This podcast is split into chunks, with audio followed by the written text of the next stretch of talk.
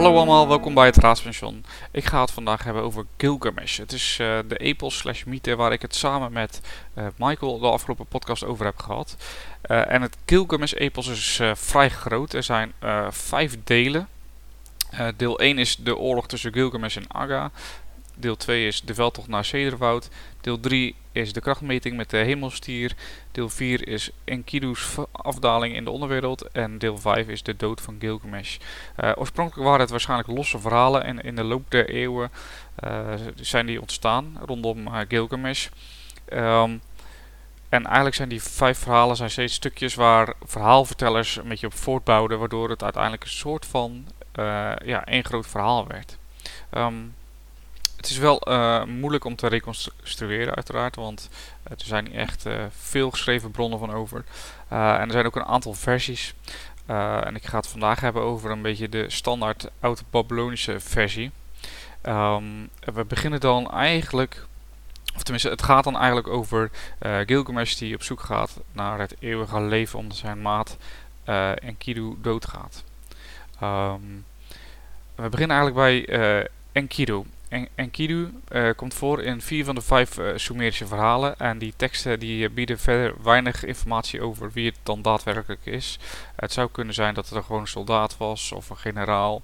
Maar in de oude Babylonische standaardversie wordt hij opgevoerd als een soort barbaar of wildeman. En in het begin van het verhaal probeerde een groep herders probeerde Enkidu te temmen. Door hem zeven dagen lang de liefde te laten bedrijven met de tempelprostituee deze prostituee luisterde naar de naam Shamkat.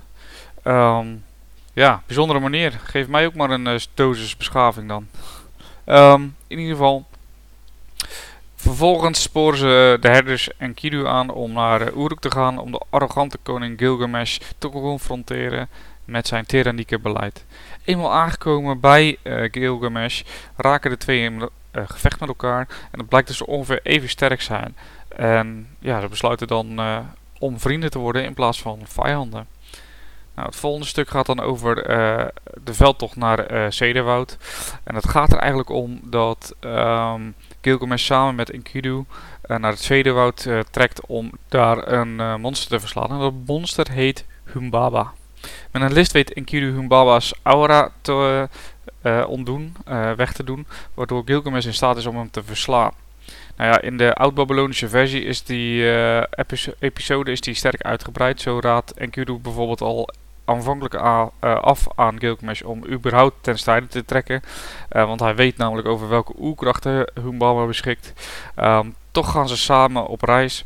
Um, en in die reis heeft Gilgamesh dagelijks beangstigende dromen. Uh, Enkidu die ziet ze als positieve voortekenen, maar hij weet in werkelijkheid eigenlijk wel beter. namelijk dat hij voortekenen de dood van Enkidu beschrijven of voorspellen.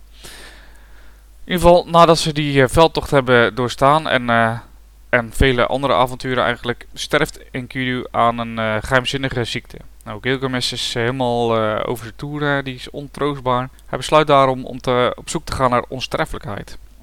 En Um, er is één iemand die heeft zijn familie gered van de zondvloed. Hè. We hebben de zondvloed die komt ook voor in, uh, in het Gilgamesh-epos. En uh, deze persoon heet Utnapishtim. Uh, en hij is dus een sterfeling die, die zijn familie heeft gered. en hij wordt daardoor eigenlijk beloond met onsterfelijkheid door de goden. En uiteindelijk bereikt Gilgamesh de wateren des doods. En hij moet die oversteken om hem te bereiken. Om die Utnapishtim te bereiken. En aan de rand van de water des doods woont Siduri. En zij heeft een, uh, een herberg waarin uh, Gilgamesh dus uh, overnacht. En zij raadt Gilgamesh eigenlijk af om die zoektocht door te zetten. En eigenlijk om gewoon maar het beste te maken van het sterfelijke leven. Nou, Gilgamesh laat zich niet weerhouden door haar. En gaat verder op, op bezoek.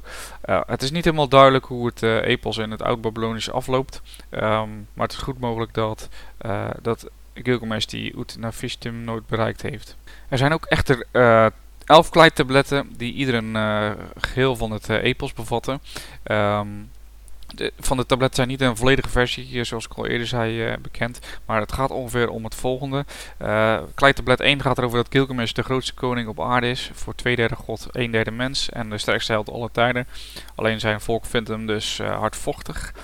En, ehm, en die Enkidu die wordt dus naar hem gestuurd om ja, zijn heerschappij te eindigen, maar ze worden dus vrienden. Dat is dus in deel 2, het kleitablet 2. Enkidu vecht met Gilgamesh en ze worden vrienden. Kleitablet 3 vertelt over de voorbereidingen voor de tocht naar het Zederhout, waar we net een stuk over gehoord hebben. Ehm, deel 4 gaat eigenlijk over die tocht.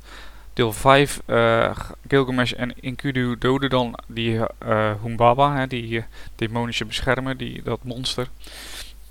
Uh, Kleitablet 6 gaat over het feit dat Gilgamesh niet gediend is van de seksuele aandacht van de godin Ishtar. Ze laat haar vader Anu de stier des hemels sturen als wraak op Gilgamesh en zijn stad. Ehm, Gilgamesh en Enkidu doden de stier. Uh, tablet 7 gaat over uh, de goden besluiten dat iemand gestraft moet worden voor de dood van Hambuba, uh, namelijk Enkidu. Enkidu wordt ziek en ja, ligt dan op zijn sterfbed natuurlijk. Tablet 8 is de klaagzang van Gilgamesh voor zijn vriend Enkidu. Tablet 9 gaat over Gilgamesh die angstig wordt voor de dood en besluit op zoek te gaan naar het eeuwige leven. daar hebben we net natuurlijk ook een stuk over gehoord. Um, Deel 10 gaat over de reis naar eigenlijk het stukje naar de water des doods. Um, deel 11 gaat over Gilgamesh die Utnapishtim ontmoet, hè, waar we het net ook over hebben. Die hem het verhaal van de zondvloed vertelt en hem twee kansen op onsterfelijkheid geeft. Gilgamesh vergooit zijn kansen op onsterfelijkheid en hij kiest ervoor het kruid van het eeuwige leven mee te nemen. Als hij in slaap valt, neemt een slang het kruid mee. En daarna blijft er dus niks meer voor hem over uh, om uh, ja, naar de Uruk terug te keren. Rond 1200 is het twaalfde tablet uh, toegevoegd. dus het is even onduidelijk of het echt erbij hoort of zo. Het is wel 1200 voor Christus moet ik zeggen. Um, Gilgamesh laat zijn bal en stok in de onderwereld vallen. En Enkidu gaat ze ophalen, maar de onderwereld grijpt hem. Gilgamesh maakt een gat in de grond en de geest van Enkidu kan ontsnappen en hem vertellen hoe het er in de onderwereld aan toe gaat. Dus dat zijn uh, een aantal tabletten. Dus er zijn een aantal varianten die niet helemaal teruggevonden zijn. Um, maar goed, ik hoop dat je het een beetje interessant vond. Um, er zijn ook overeenkomsten met de Bijbel. Um, en dat is ook wel interessant natuurlijk, dat, uh, dat je toch weer ziet dat, uh, dat dit ja, teruggevoerd kan worden. Of dat de Bijbel daarop teruggevoerd kan worden. We hebben het in de podcast ook over gehad, hè, dat het vaak makkelijk is als je een religie hebt om die te hangen aan bepaalde zaken die mensen al kennen. Dus dat zal hier misschien gebeurd zijn, of misschien was het een soort inspiratie daarvoor. En um, een van de overeenkomsten die echt mensen deed uh, schokken was eigenlijk de overeenkomst tussen de Bijbelse zondvloed en de zondvloed uit, uh, uit dit epos. Um, je moet je voorstellen dat in 1857 pas het schrift werd ontcijferd en dus pas dit epos gelezen kon worden. En toen bleek dat um, zowel in het Oude Testament als in het Gilgamesh-epos uh, de aarde geheel overstroomd hè, door de zonvloed. In het Oude Testament weet Noach te overleven door een ark te bouwen. En in het Gilgamesh-epos weet Utnapishtim uh, te ontsnappen, ook met een boot. Um, de wetenschappers weten niet waarom de verhalen zoveel overeenkomen. Eén theorie is dat het een gezamenlijke oerbron heeft. Dus er is een gebeurtenis geweest waarbij uh, zowel de Bijbel als ja, het, het epos van Gilgamesh, dat die daarop gebaseerd zijn. Uh, het kan natuurlijk ook dat uh, de Babyloniërs uh, het verhaal ontleden aan, ontleenden aan het verhaal uit het Hebreeuwse verslag. Het kan ook zo zijn dat het Hebreeuwse verslag een soort bevestiging is, hè, dus een tweede bron van hetzelfde gebeuren.